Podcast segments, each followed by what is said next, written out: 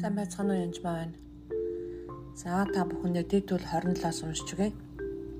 Эцэг ихэ хүндэлтгөө хүн нь хараагдсан гэд бүх ард түмэн амен гин. Хөршийнхөө шавыг шавыг гэж байгаа. Хөдлөгдөг хүн нь хараагдсан гэд бүх ард түмэн амен гин. Цор хүнийг замаас нь төрүүлэгч хүн нь хараагдсан гэд бүх ард түмэн амен гин. Харин хүн өнчиг хүн бэлвсэн эмэгтэй хэл шүүгч хүн нь хараагдсан гэд бүх ард түмэн амен гин гих мэтлэн яг хараатай холбоотой эсхийг уншиж болно л доо. Хөршөө нууцаар алдаг хүн харагдсан гэдэг бүх ард юм амин гин. Гимгүү үнийг алхахаар хахуул авчнаас харагдсан гэд. Энэ хуулийн бүх үгийг үлдэн гүйцэтгэдэггүй хүн харагдсан гэд бүх ард юм амин гэж. Тэр онцгойлон аав ээжтэй холбоотой эсрэг даачин подкастаар хэлж өгье. Харин би хөршийнхөө шавыг хөдлөгдөг хүн харагдсан гэдэг үгдэр нэгэн жишээг хэлж өгье гэж бодсон юм миний нэг хүнд хүндтгэдэг сайн ахлагч байдаг л да үгэн дээр үнээр үгэн дээр суудаг мэдэн сайн авдаг мундаг хүн л дээ. Гэхдээ би тэднээс өмнөр ерөөсөө очиж үзээгүй нилээн хоол жижигхэн одоо сүм мөртлөө маш хоол байдаг. Тэгээд ерөөсөө явж чадаагүйсэн. Тэгээд нэг удаа хам цуугаад хоол идэх боломж гараад тэгээд цам залбирсан байгаа. Тэгээ манай сүмийн газар байшин дээр нэлээд асуудалтай бичиг баримтын маргаантай ерөөсөө шийдэгдэхгүй байгаа. Туслаач энэ маань залбирч өгөөч гэдгсэн. Өө таа ч гэсэн залбирэн штэ гэл. Тэгэл яа ч эзэн хам залбир гэдгсэн. Хам залбирсан чинь эсрэгээр нь эзний уур орж ирсэн байгаа. Тэгээд уучлаараа та хашаага хөршөө хөршийнхаа газар нутгаас ингээд шавын хөдөлгөн гэж үсүүгээр хөршийн газар руу орсон гэсэн үг байхгүй өртөөсөө орж барьсан байна.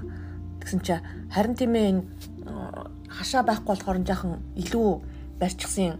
Тэгээд хаажуу хурш маргаа ихээр нь та одоо бурхны газар нутг хүмүүстэй маргаа яадаг юм бэ гэдээ баг хэлсэн штэ яана л гэж байна. Гэхдээ тэр болохгүй штэ. Авсан газараа буцааж өгөө бурхны яг бичиг баримтан дээр юу гэж байгаа нь тэр газараараа л та нар хашаа барина шүү. Ингэж хүний шавыг хөдөлгөж болохгүй. Шав гэдэг нь одоо яг boundary буюу одоо хүл одоо юу гэдгийг байх ёстой газар гэсэн үг л дээ. Ялангуяа хөршийнхөө Тэгээ тэрнээс л од энэ бүхэн болсон байна гэж хэлсэн. Тэгээд ганцхан бичиг баримтанд болоо зогсохгүй энд юу болсон бэ гэхээр пастор нь байсан хүн нь бүр гаж урсгал руу явж өгөөд явхдаа нэлээд хүмүүсээ авч яваад тэгээд дэр нь явх байхдаа бүр яасан бэ гэхээр надад маш бага цалин өгдөг маш хэцүү зүтгэсэн болооч амжилт олоогүй учраас энэ газараа дахин худалдаж ав гэд тэр пастрийнхаа нэр дээр газар авцсан байж л тэр газар дээрээ байшин мэрч. Байшин гэсэн барихад ямар юм болсон бэ гэхээр Монголд одоо сайн дурын илгээлтийн эзнэр ирсэн нэг залуухан хүүхэд тогон цохолоор газар дээр намс уруулаад тэрний амьд байтгалаар тэр байшин барьсан байна. За ингээд тэр мөнгөний төлцсөн байхад буцаага дахиад газрынх нь мөнгийг нөгөө патрнж нэгж байгаа өөрөө бас гаж асуул руу орцсон байж байгаа. Гэрөөсөө л ингээд ярих юм бол мес зүгээр л одоо асуудлууд ар араасаа байгаа. Тэгэд энэ хараал байгаа Цаа ард нь хараал байгаа байхгүй. Тэгээ тэрийг тасганд та нар гимших хэвээр, залбирах хэвээр, хамгаалах хэвээр. А тэр пастор дээр ч гэсэн бас асуудлууд байна гэж би хэлсэн баг. Тэгэхээр хөршөөгөө шавыг хөдлөгдөг хүн хараагдсан гэж. Хинээр харагддаг гэхээр бурхнаар. Тэгэхээр бид нар магадгүй ард түмэн маань нүүдэлчин байсан болохоор энэ шав маа байхгүй штэ газар нутгийн яг тийм биш. Бид нар шав байгаа. Яагтвэл бие биенийхээ мал руу, бие биенийхээ үлжөөрөө бид нар ордог байсан байгаа биеийнхаа бүгдээрээ хил цагийг мэддэг байсан байгаа.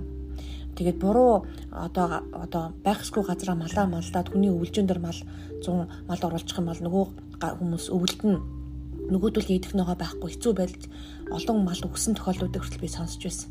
Тэр энэ бүх зүйл бол бид нар заавал ч тэр нь шав байхалгүй хилэгдээгүй тийм заагч бас байж болно. Тийм бол та гимших хэрэгтэй та бас өөрөө тим хийсэн бол яг хэлээрээ тэрийг зөв татах хэрэгтэй гэсэн хэл хэл заагаа.